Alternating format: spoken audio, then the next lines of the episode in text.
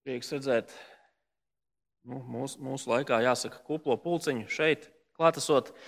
Tiem, kas vēlāk šo ierakstu skatīsies YouTube, mans vārds ir Mārtiņš Martinsons, esmu viens no vadītājiem šeit draudzē. Ja nu gadījumā vēlaties Lūkas svētrunas sēriju iepriekšējās uzrunas redzēt, tad viss YouTube ir atrodams. Tātad turpināsim lasīt un pārdomāt Lūkas evanģēlīju.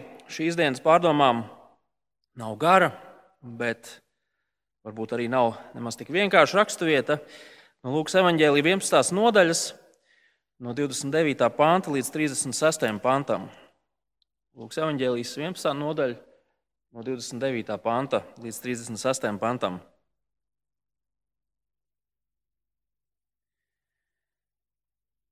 Kad sapulcējās ļaužu pūlis, viņš sāka runāt. Šī paudze ir samaitāta paudze.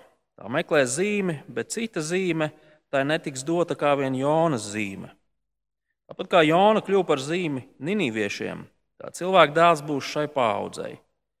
Dienvidu ķēniņiene celsies tiesas dienā pret šīs paudzes ļaudīm un tos notiesās.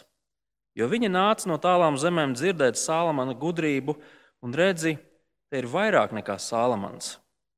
Ninīvas vīri celsies tiesā, tiesas dienā pret šo paudzi un to notiesās, jo, kad Jonas sludināja, tie atgriezās no grēkiem. Redzi, šeit ir vairāk nekā Jona. Gaisma kliededzis, neviens to neliek slēptuvē vai zem pūra, bet liek to lukturī, lai ienācēji redzētu gaismu. Miesas spīdeklis ir acis.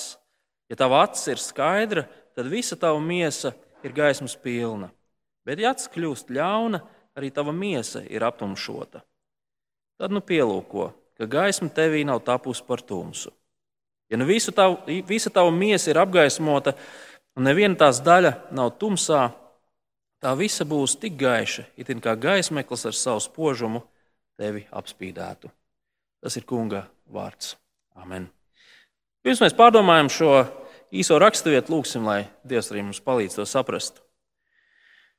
Debes Tēvs patiešām psalmists daudzkārt dzied par to, ka tavs vārds ir gaisma, un šajā gaismā mēs varam redzēt to, kas mēs esam, kāda ir šī pasaule, kāds esi tu, ko tu dari, un kāds ir tavs nodoms visam, kas ir radīts. Tad mēs šajā pēcpusdienā gribam lūgt, dot, ka mēs varētu saprast šos tavus vārdus, un lai patiešām šie vārdi izgaismo Ne tikai mūsu sapratni, bet arī to, ko nozīmē dzīvot šīs, šīs patiesības gaismā. To mēs lūdzam Jēzus vārdā. Amen. Ja jūs esat 70. gadu bērni vai 80. gadu bērni, kā, tas, kā es, tad eh, visticamāk jūs esat redzējuši filmu, kuras nosaukums ir Neredzi ļaunu, nedzirdi ļaunu. Šī filma ir par diviem interesantiem varoņiem, un tas interesantais viņos ir tas, ka viens no viņiem ir akls, otrs no viņiem ir kurls. Un šie abi divi vīri ir liecinieki kādai slepkavībai. Viens no šiem vīriem slepkavību dzirdēja, otrs no šiem vīriem slepkavību redzēja. Un tad filmas sižets principā ir par to, kā šie abi divi mēģina izdzīvot, jo viņiem draud briesmas, jo viņi ir liecinieki, un vienlaikus atrisināt šo slepkavību, palīdzēt policistiem noķert īstos vainīgos. Liek piebilst, ka šī filma ir komēdija, par tās kvalitāti spriežat paši, ja esat redzējuši. Taču galvenie varoņi šajā filmā nav izvēlējušies būt akliem un kurliem. Viņi tādi ir piedzimuši vai iespējams dabūjuši traumu. Mēs varam iztēloties, kā šī filma attīstītos, ja galvenie varoņi būtu pilnībā veseli bet viņi izvēlās nedzirdēt un neredzēt. Visticamāk, tā vairs nebūtu komēdija. Pareizi. Iespējams. Mūsdienās viss kas ir iespējams. No filmām mēs varam pārcelties uz reālo dzīvi. Un ko jūs teikt par cilvēku, kurš redz un dzird svarīgas un nopietnas lietas, bet izliekās tā, it kā viņš nebūtu dzirdējis un redzējis šīs svarīgās lietas? Ko mēs teiktu par cilvēku, kurš ir redzējis un dzirdējis kādu noziegumu, kas tiek pastrādāts, bet izvēlās palikt kluss un tāds, kurš nav neko redzējis un dzirdējis? Man liekas, jūs man piekritīsiet un teiksiet, nu, tā nav godīga rīcība. Iespējams, tā ir gļēva rīcība, tā ir muļķīga rīcība, tā ir bezatbildīga rīcība. Un kaut kādā ziņā tā ir ļoti traģiska rīcība. Pareizi. Raksturvieta, kur mēs šodien lasījām, kur ir mūsu priekšā, mēs varam redzēt tieši šādu traģisku situāciju, kur cilvēkiem ir iespēja kaut ko redzēt, kaut ko dzirdēt, bet viņi izvēlās neko neredzēt un neko nedzirdēt. Mēs ar šiem cilvēkiem patiesībā iepazināmies jau pagājušajā nedēļā.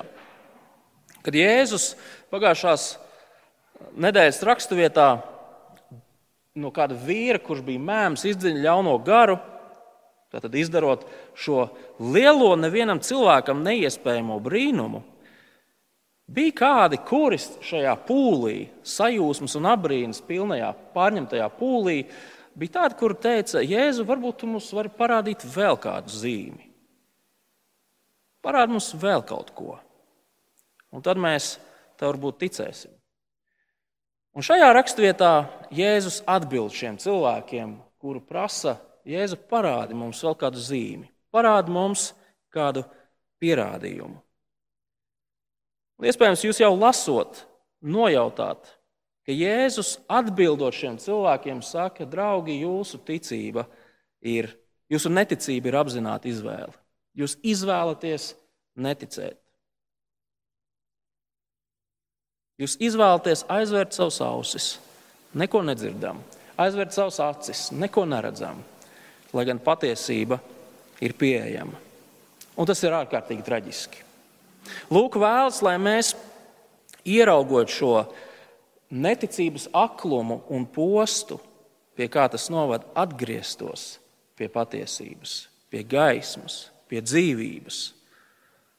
Lūkas pierakstītais kalpo gan kā nopietns brīdinājums tiem cilvēkiem, kuri ir nostājušies uz šī ceļa, gan kā spēcīgs iedrošinājums tiem, kas dzīvo starp cilvēkiem, kurus raksturo šāda neticība. Redziet, patiesība ir un paliek patiesība.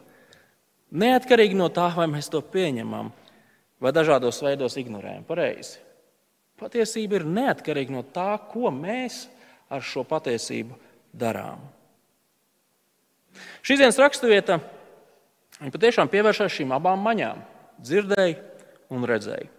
Tad mēģināsim aplūkot neticības dabu izējot cauri šīm divām daļām. Pirmā daļa - cilvēki izvēlas neredzēt, nedzirdēt patiesību un nenožēlot grēkus. Es nezinu, ko jūs domājat par sabiedrību, kurā mēs dzīvojam. Pēdējā laikā man liekas, ka ir sliktāk un sliktāk. Bet varbūt tas tikai tādēļ, ka es esmu tāds kārtīgs pesimists. Bet skatieties, kā Jēzus raksturo savu laiku sabiedrību šīs raksturvietas sākumā, 29. pantā. Kad sapulcējās ļaužu pūlis, viņš sāka runāt, šī paudze, mani laika biedri, šī paudze ir samaitāta paudze. Jēzus apkārtējo sabiedrību vēro un viņš izdara secinājumu. Šī paudze, šī sabiedrība ir samaitāta, šī paudze ir ļauna. Un mums uzreiz rodas jautājums, nu kādēļ tāds diezgan spēcīgs spriedums, tāds asins spriedums? Un atbildi ir vienkārša.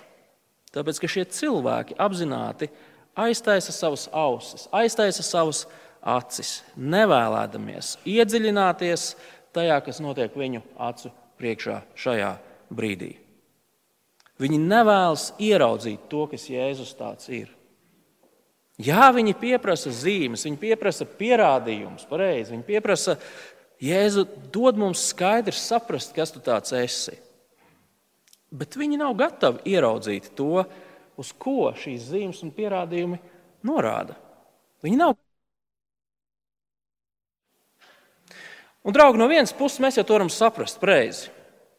Prasīt pierādījumus, prasīt zīmes, tas ir normāli, tas ir labi un pareizi.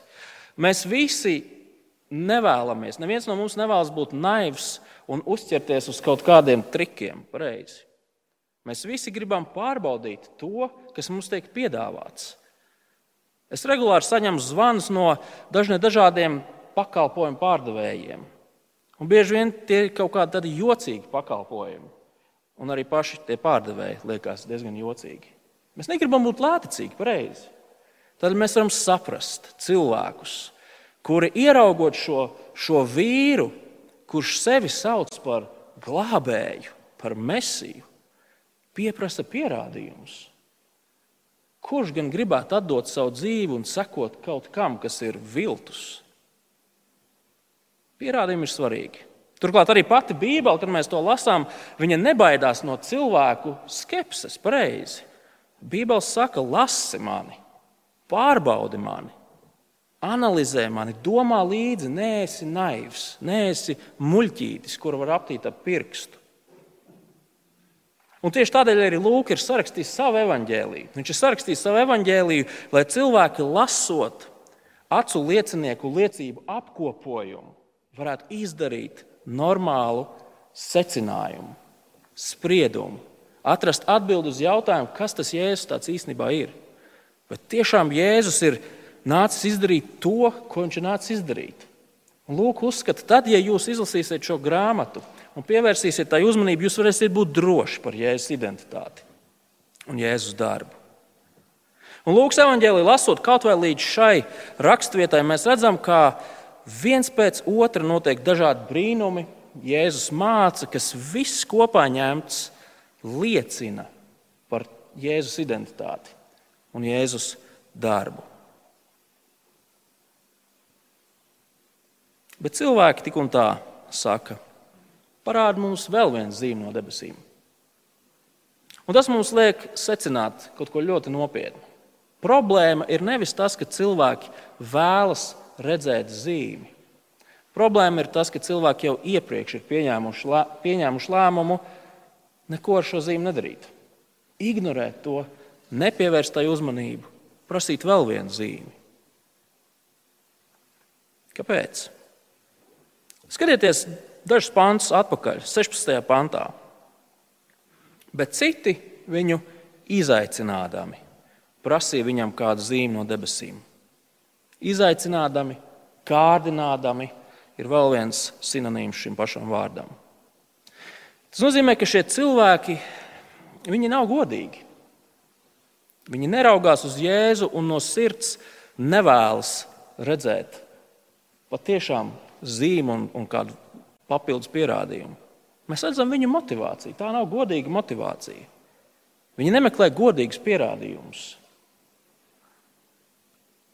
Ja jau Kristus līdz šim izdarītie brīnumi, dziedināšana, demonu izdzīšana, pat mirušu augstām celšana, viss tas, ko viņš ir mācījis, nav pārliecinājis šos cilvēkus. Kas viņus pārliecinās? Kas ir tas viens brīnums, pierādījums, zīme, kas viņus pārliecinās. Draugi, manuprāt, nav tāda brīnuma, kas viņu varētu pārliecināt.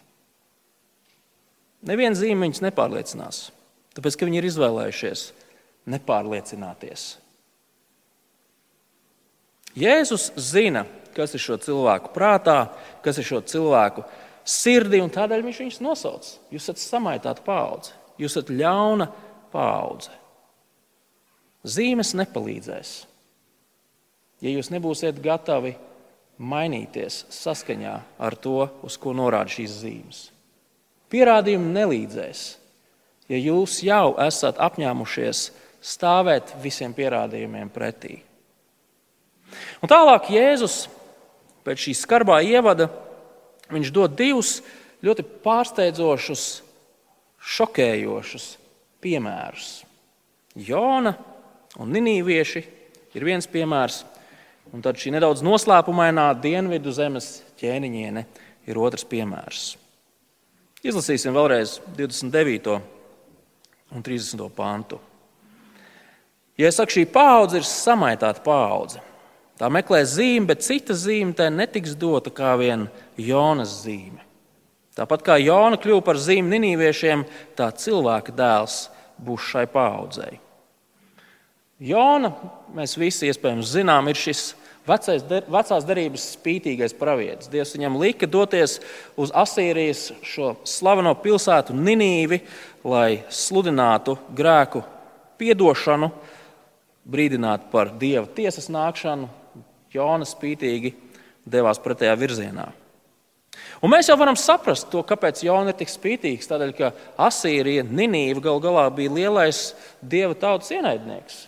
Šie asinskārie barbari, kuri nāca un postīja, galināja un veda trimdā cilvēkus. Skaidrs, ka Jona negrib, lai šie cilvēki saņem dievu piedošanu. Šiem cilvēkiem ir jācieš. Viņiem ir jāsaņem pēc pilnas programmas dieva tiesa. Bet kas tad ir šī zīme, ko Jēzus šeit piemin? Ir cilvēki, kas uzskata, ka šeit runa ir par tādu kā paralēli starp tām trim dienām, ko Jona pavadīja zivs vēdā, un trim dienām, ko Jēzus pavadīja miris pirms augšām celšanās. Un ļoti iespējams, ka tas arī ir tas, ko Jēzus, uz ko Jēzus kaut kādā veidā norāda. Mateja evanģēlijā mēs arī lasām šo pašu notikumu, un iespējams tur arī vēl skaidrāk mēs par to varam pārliecināties. Taču tikpat labi iespējams, ka daudz organiskāk un dabiskāk ir ieraudzīt to, ka Jona bija dieva tiesas rupors Ninīvas iedzīvotājiem. Atgriezieties no grēkiem, citādāk dieva tiesa. Un, ja mēs skatāmies uz šo sadaļu, uz visu 11. nodaļu, tad mēs redzam, ka tas jau arī ir tas, ko Jēzus saka saviem līdzcilvēkiem. Atgriezieties no grēkiem, kad jūs dzirdat Dieva vārdu. Citādāk tiesa. Un mēs to redzēsim arī 12. nodaļā. Atgriezieties no grēkiem, kad jūs dzirdat Dieva vārdu, citādāk tiesa. Iespējams, tas ir tas, kā Lūka vēlas, lai mēs raugāmies uz Jonu. Tieši tāpat kā Jona pirms daudziem, daudziem gadsimtiem sludināja par tiesu un glābšanu, tad tagad Dieva sūtītais, varenais valdnieks, cilvēka dēls, Jēzus Kristus, sludina par, par Dieva tiesu un glābšanu. Jonas sludināja, un notika kaut kas pārsteidzošs. Ninīvieši klausījās, Ninīvieši saprata vārdu nopietnību. Ninīvieši atgriezās no saviem grēkiem. Mums nav laika, bet, ja jūs lasītu Jonas šo īso grāmatiņu, jūs redzētu, ka Ninīvieši atgriezās no grēkiem ar vārdiem: Mēs nezinām, vai mēs saņemsim atdošanu, bet labāk neriskēsim. Iespējams, Dievs mūs pasaudzēs, tādēļ no sirds nožēlosim grēkus. Kas Jona bija Ninīviešu acīs? Nekas. Taču tad, kad viņi dzirdēja Dieva vēsti caur Jonu, viņi lieliski zināja, kas viņiem ir jādara. Dienvidzemes ķēniņiene ir nākamais piemērs, ko mēs redzam 31. pantā. Dieviņa ķēniņi cel, celsies tiesas dienai par šīs paaudzes ļaudīm un tos notiesās. Jo viņi nāca no tālām zemēm dzirdēt Salmanu gudrību, un redzi, te ir vairāk nekā Salmans. Dienvidu zemes ķēniņiem mēs pirmo reizi ieraugām pirmajā ķēniņa grāmatas desmitajā nodaļā. Mājās varat izlasīt, Un šī, šī ķēniņiene bija dzirdējusi, ka kaut kur pie vidusjūras, Palestīnas teritorijā, Izraēla teritorijā ir kāds ļoti gudrs, ļoti bagāts valdnieks. Pārsteidzoši gudrs, pārsteidzoši bagāts valdnieks. Un viņi izdomāja, es aiziešu un pārliecināšos pati, vai tas tiešām tā ir. Viņi saposās ceļā, devās pie Salamana, pārbaudīja Salamanu un saskaroties ar visu vajadzīgo informāciju, viņa izdarīja secinājumu. Patiešām šis ir mana laika gudrākais, bagātākais ķēniņš, dieva svētītais ķēniņš. Dienvidu zemes ķēniņiem viņa bija skeptiska, viņa bija pagānu valdniece, bet tad, kad viņa saņēma vajadzīgos pierādījumus, tad, kad viņa redzēja vajadzīgos faktus, viņa nebija nekādu šaubu. Tā tiešām ir. Ninīvieši bija asinskāri, pagāni, bet tad, kad viņi dzirdēja Jonu sludinājumu, viņi atzina patiesību. Skatieties, 32. pantā. Mēs vēlreiz atgriežamies pie šiem ninīviešiem. Ninīvas vīri celsies tiesas dienā pret šo paudzi un to nostiesās. Jo, kad Jonas sludināja, tie atgriezās no grēkiem. Redzes, šeit ir vairāk nekā Jona. Draugi, es gribu, lai mēs iztēlojamies, ka mēs uz brīdi esam jūdi, kas klausās tajā, ko Jēzus saka. Un Jēzus vārdi ļoti šokējoši. Ninīvieši bija pagāni bet viņi tiesās jūdus. Šī ķēniņiene bija pagānu ķēniņiene, bet viņi tiesās jūdus. Ninīvieši bija vienkārši primitīvi jūdu acīs. Ne viņiem Dievs bija kaut kādā īpašā veidā atklājies, ne viņiem Dievs bija devis caur mūzu likumu, pēc kā dzīvot, bet viņi tiesās jūdus. Jo savulaik, tad, kad viņi dzirdēja par tuvojošos dieva tiesu, viņi Viņi ļoti rūpīgi to pārdomāja un izdarīja vajadzīgos secinājumus. Šokējoši, vai ne? Pagāni tiesās vēsturisko dievu tautu. Ja es saku, jūsu vidū tagad ir kāds lielāks par Jonu, jūsu vidū tagad ir kāds lielāks par Salamanu, Salmans pārliecināja Dienvidu zemes ķēniņieni, Jona pārliecināja uh, ninīviešus. Bet jūs negribat klausīties tajā, kurš ir lielāks par Jonu, kurš ir lielāks par Salmanu. Vai jūs saprotat, kāpēc Jēzus šo pauzi nosauc par samaitātu, par ļaunu? Viņiem ir pieejamas visas zīmes, viņiem ir pieejama paša dieva vārdi, paša dieva darbi Jēzus personā. Taču tā vietā, lai ieklausītos un nopietni pārdomātu un attiecīgi rīkotos, viņi ir kā mazi bērni, kas iebāž pirkstus ausīs, kad tētis saka kaut ko un saka, la, la, la, la, la. Mēs negribam klausīties. Mēs gribam vēl kādus pierādījumus. Rādi mums zīmes. Iedomājieties, iztēloties tiesas zāli, kurā uz apsūdzēto soliņa sēž kāds cilvēks. Viņš ir apsūdzēts slepkavībā. Un tiesnesim viens pēc otra tiek stādīti priekšā visvisādi pierādījumi. Fotogrāfijas, audio ieraksti, asiņainais nāzis, DNS analīžu rezultāti, desmit acu liecinieki, kas to visu bija redzējuši. Bet tiesnesis saka, vai jums ir vēl kaut kas? Vai jums ir vēl kaut kas? Skaidrs, ka tas viss izskatās aizdomīgi, vai ne? Taču tas notiek visu laiku. Un es šeit nerunāju par tiesu sistēmu. Tur viss ir kārtībā, vairāk vai mazāk. Tas notiek visu laiku šajā sabiedrībā. Mēs cilvēki turpinām meklēt dažādus iemeslus, lai attaisnotu savu neticību. Mēs visu laiku cenšamies pārliecināt sevi un citus par to, ka ar mums viss ir kārtībā. Mums nevajag to, ko Jēzus piedāvā. Mums, mums ar Dievu viss ir kārtībā. Būs labi, draugi, būs labi. Reizēm mēs pat esam vēl, vēl slīpētāki. Mēs sevi saucam par kristiešiem. Latvija taču ir kristīga nācija, pareizi. Bet tā vietā, lai klausītos patiesībā, visa mūsu latviskā kristietība ir sekošana kaut kādiem saviem izdomātiem standartiem, nevis tam, ko Dievs ir atklājis savā vārdā. Viens no slavenākajiem 20. gadsimta filozofiem, ateistiem, Bertrands Rasels, it kā esot teicis, ka tajā dienā, kad es satikšu Dievu, un viņš man prasīs, nu, kāpēc tu man neesi ticējis?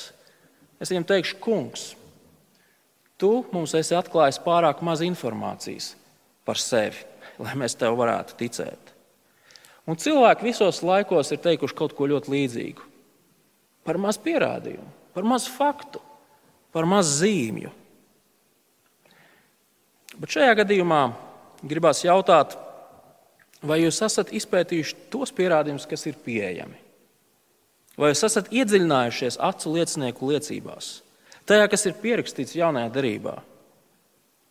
Ja esat, vai jūs spējat pamatot to, kāpēc šie pierādījumi nedara? Kas vainas, kas vēl ir vajadzīgs?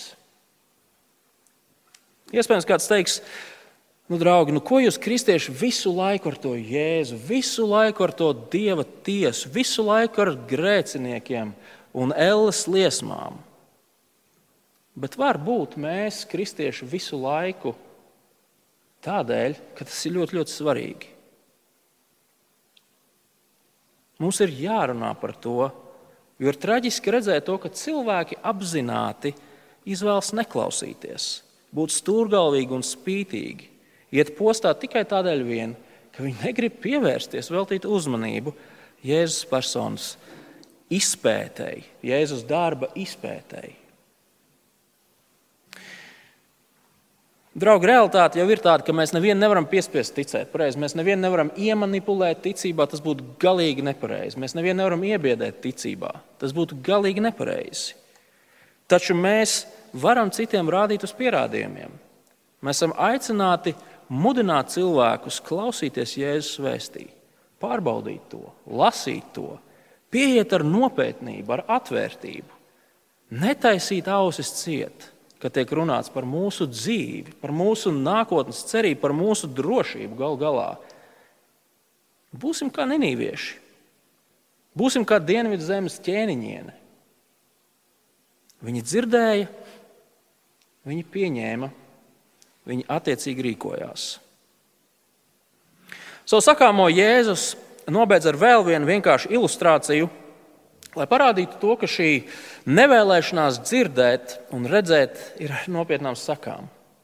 Tā ietekmē visu mūsu dzīvi, apzināmies to mēs vai neapzināmies. Un tas mums novada pie šīs raksturvietas otrās daļas. Cilvēki nevēlas redzēt patiesību. Izlasīsim no 33. panta. Gaismē kliedētas neviens to neliek slēptuvē vai zem pūra bet liek to lukturī, lai ienācēji redzētu gaismu. Miesas gaismeklis ir acis. Ja tava acis ir skaidra, tad visa tava miesa ir gaismas pilna. Bet, ja acis kļūst ļauna, arī tava miesa ir aptumšota. Tad nu pielūko, ka gaisma tevī nav tapusi par tumsu. Jo nu visa tava, tu, ja nu visa tava miesa ir apgaismota un neviena tās daļa nav tumsā, tā visa tiks, būs tik gaiša, itin kā gaismeklis ar savu spožumu tevi apspīdētu. Internets ir pilns ar dažādiem topiem un, un, un sarakstiem ar visjocīgākajiem izgudrojumiem, kādus cilvēki ir izgudrojuši. Ar visjocīgākajām lietām, kādas cilvēki ir darījuši. Manuprāt, šis šajā piemērā, ja es izmantoju tajā līdzībā, pieminētais cilvēks varētu būt šajā topā. Pareizi. Absolūti smieklīgs piemērs. Nu, kurš no mums tumšā telpā iededz lukturi, to ieliek skapī, aiztais skapja durvis. Vai kurš no mums lukturu liek zem kaut kādas lādes? Tumšā telpā gribēdams ciemiņiem parādīt savu istabu. Absolūti smieklīgi. Neviens tā nedara. Tas būtu jocīgi, pareizi. Luktura mērķis ir izgaismot telpu. Ja to noslēpj, lukturis zaudē savu jēgu un nozīmi. Un 34. pantā Jēzus saka, ka kaut kas ļoti līdzīgs ir ar cilvēka aci. Ar acīm mēs uztveram to, kas ap mums notiek. Tā ir kā tāds lukturis, kas izgaismo visu pārējo. Taču, ja acis ir ļauna, vai tas ir tas pats vārds samaitāta, tad visa dzīve būs tumša. Un skaidrs, ka Jēzus šeit nerunā par ķermeņa daļām, miesa, acis, vēl kaut kas. Jēzus vēlas, lai mēs saprotam principu, kā tas strādā. Tas, ko mēs uztveram, tas, ko mēs darām ar to, kas atrodas mūsu acu priekšā, ietekmē to, kas ar mums notiks, ietekmē to, kā mēs dzīvosim.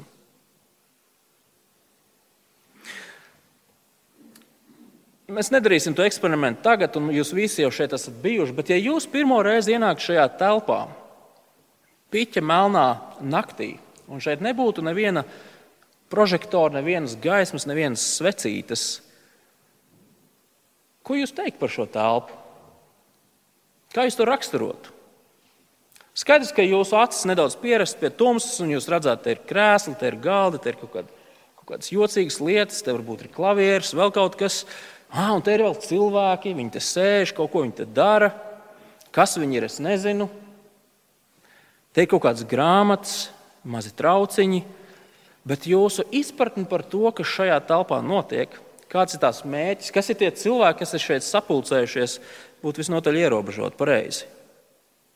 Bet tajā brīdī, kad Roberts aizmugurē ieslēdz visus prožektorus, mēs uzreiz redzam, kāds ir šīs telpas iekārtojums, krāsas, interjers, kas ir tie cilvēki, kas te sēž, kas ir tā grāmata, ko viņi lasa. Mēs visi varam ieraudzīt. Mēs visi varam saprast. Mēs visi varam redzēt skaidri. Un tieši tāpat ir arī ar mūsu dzīvi šajā pasaulē. Neatzīstot patiesību par Dievu, par Jēzus darbu, mēs nekad, mēs nekad nevarēsim redzēt to, no kurienes un uz kurienes šī pasaule iet. Mēs nekad skaidri neredzēsim to, kādi mēs kā cilvēki patiesībā esam. Mēs nekad skaidri nesapratīsim un nezināsim to, kāds ir Dievs un kāds ir Dieva darbs šajā pasaulē. Protams, nenoliedzam, Dievam milzīgās žēlstības dēļ pilnīgi visiem cilvēkiem ir iespēja kaut ko izzināt par šo pasauli. Tā tas ir. Dieva žēlstības dēļ cilvēkiem, pilnīgi visiem cilvēkiem šajā pasaulē ir iespēja dzīvot saprātīgi šajā pasaulē, darīt jēdzīgas lietas, rūpēties vienam par otru. Taču beigu beigās visas mūsu zināšanas, visi mūsu sasniegumi, atklājumi ir ļoti ierobežoti. Ja mums rokās nav lukturis, ar ko izgaismot telpu, ar ko izgaismot pasauli kas palīdz mums saprast to, ko mēs redzam, ko mēs jūtam, ko mēs piedzīvojam. Ja es uzrunā cilvēkus, kas vēl ar vienu meklē jaunus pierādījumus, jaunas zīmes, jaunas brīnums, kas apstiprinātu to, kas Jēzus tāds ir. Un Jēzus brīdinājums ir ļoti nopietns. Ja tu ignorēsi to, kas ir tavā acu priekšā, visa tava dzīve sabruks, tā tiks ietekmēta. Nē, es akls, nē, es kurls, nē, es spītīgs, nē, es stūrgalvīgs. Pielūko, ka gaisma tevī nekļūst par tumsu. Kas ir tie mūsu argumenti, kurus mēs izmantojam savas neticības attaisnošanā? Šīs dienas raksturvieta ir tāds aicinājums godīgi to visu nolikt uz galda. Godīgi nolikt to visu uz galda. Kāpēc mēs neticam? Un meklēt atbildes, runāt par to, diskutēt par to. Soli pa solim. Tas, ko Jēzus māca, un tas, kāpēc Jēzus ir nācis, ir ļoti svarīgi, un tas attiecas uz ikvienu no mums. Viss, ko Jēzus izdarīja, bija domāts tam, lai lai cilvēki to redzētu, pārdomātu un izdarītu attiecīgos secinājumus. Jau pirms daudziem gadiem, kad es biju tāds nedaudz karavīgāks, zaļāks kristietis, es iesaistījos kādā fórumā, kur tika diskutēts par visādām ticības lietām. Un vienā no tādām asām sarunām ar savu neredzamo oponentu es šim cilvēkam prasīju, Klau, draugs, vai tu esi izlasījis jauno derību? Tu dedzīgi par viņu diskutē, bet vai tu esi viņu izlasījis? Uz ko šis cilvēks teica, nē, un man nav vajadzīgs. Man tāpatās viss ir skaidrs. Pielūko, ka gaisma tevī nav tāpus par tumsu. Tas ir brīdinājums, ko Jēzus saka šādam cilvēkam. Mēs visi zinām, ka būt par kristieti nenozīmē visu saprast pareizi, visu zināt, visu izpētīt, visu vienmēr pareizi izdarīt, visam vienmēr paklausīt. Taču būt par kristieti nozīmē dzīvot gaismā. Uz realitāti skatīties tā, kā tā ir. Tas ir process. Kad tumšā telpā pēkšņi tiek ieslēgta gaisma, kas notiek? Mēs saviebamies, mēs aizmiedzam acis ciet, jo ir nepatīkami. Mūsu acis ir pieradušas pie tumsas, un ir vajadzīgs kāds laiks, lai mēs tajā gaismā varētu skaidri lietas ieraudzīt. Tad es aicinu, ka mēs varētu iztēloties to, ka visa mūsu kristīgā dzīve ir kā šīs divas sekundes, kurās mūsu acis mēģina pierast pie gaismas. Pie gaismas, kurā mēs varam visu redzēt, tā kā tas patiešām ir. Un jo vairāk mūsu acis pierod pie gaismas, jo skaidrāk mēs lietas redzam. Jo vairāk mēs skatāmies tajā, ko gaisma izgaismo, jo vairāk mēs ieraugam pasauli, kā tā patiešām ir. Mēs ieraugām to, kādi mēs esam. Mēs ieraugām to, kāds ir Dievs. Mēs ieraugām daudzas dažādas atbildes uz tiem praktiskajiem jautājumiem, kas mums visiem ir svarīgi. Piemēram, ko mums darīt ar attiecībām, laulību, kā mums audzināt bērnus, kā mums izturēties pret valsts varu, kas, kas ir Dieva dota, ko mums darīt ar darbu, kā mums izturēties pret raksturu dažādajām īpašībām, ko mums darīt ar cīņu ar grēku. Ko mums darīt ar draugu un tā tālāk un tā joprojām? Draugi, šie panti ir nopietns brīdinājums tiem, kas izvēlas aizbāzt ausis, aiztaisīt acis. Dievties nāk. Esiet kā ninivieši, esiet kā šī ķēniņiene. Taču tāpat laikā šie panti mums, kristiešiem, lieliski parāda to, kādā pasaulē mēs dzīvojam. Šie panti mums parāda to, ko nozīmē būt par ticīgo. Šie panti mums nopietni un skaidri parāda to, kāpēc sludināt evaņģēliju ir tik ļoti grūti. Cilvēki nevēlas atzīt Jēzu. Cilvēki nevēlas redzēt patiesību. Un mēs varam ļoti, kļūt, kļūt ļoti dusmīgi par to. Mēs varam kļūt izmisuši, mēs varam kļūt vienaldzīgi. Mēs varam kļūt bēdīgi.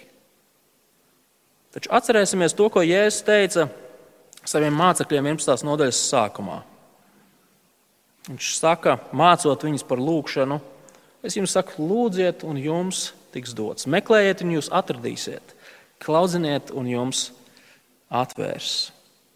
Jā, mēs dzīvojam cietā sabiedrībā, laikmatā, ko raksturo neticība taču mēs nedzīvojam bez cerības. Mēs varam lūgt Dievu, lai Dievs pie mūsu tuviniekiem, darba kolēģiem, draugiem dara savu darbu, lai Viņš atver cilvēku ausis, lai Viņš salauž viņu spītību, lai atdara viņu acis. Un zini, ko? Dievam patīk atbildēt uz šādām lūkšanām. Pēc mēnešiem, pēc gadiem, bet Dieva īstajā laikā nāk īstie augļi. Tādēļ nepametīsim savus lūgšanas, zinot to realitāti, kurā mēs dzīvojam. Nepametīsim lūgšanas par sevi un par cilvēkiem ap mums. Un tieši tāpat neatmetīsim saviem līdzcilvēkiem ar roku tikai tādēļ, vien, ka viņi ir neticīgi. Nebūsim pārsteigti par to, ka viņiem nepatīk tas, ko viņi dzird no mums. Nekļūsim vienaldzīgi. Turpināsim viņiem rādīt uz Kristu. Un, draugi, ziniet, daudz no mums ir piemēri tieši tam. Cilvēku mēnešiem, gadiem ilgām lūkšanām. Mēnešiem un gadiem ilgi kāds mums ir pilinājis evaņģēlīju vēsti. Līdz kādā dienā Dievs mūs salauž, un mēs ieraugam lietas tā, kā tās ir. Lai tas mūs stiprina šajā dienā, nākamajā nedēļā un nākotnē vispār. Lūksim Dievu.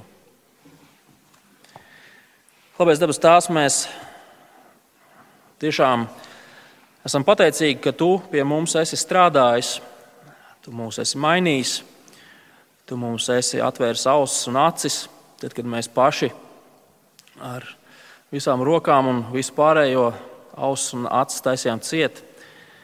Un mēs pateicamies par to, ka mums ir iespēja saprast patiesību. Mēs zinām, ka neesam pilnīgi, taču Tavs gars mums palīdz. Jo dienas jau vairāk to vārdu studējot, būt pārliecinātākiem par to, kāds esi tu, kas esam mēs tavā žēlstībā. Un tādēļ lūdzam, lai šis evaņģēlijs, kas ir vienīgais, kas var mainīt cilvēku dzīves, būtu kaut kas tāds, par ko mēs lūdzam, ko mēs stāstam citiem.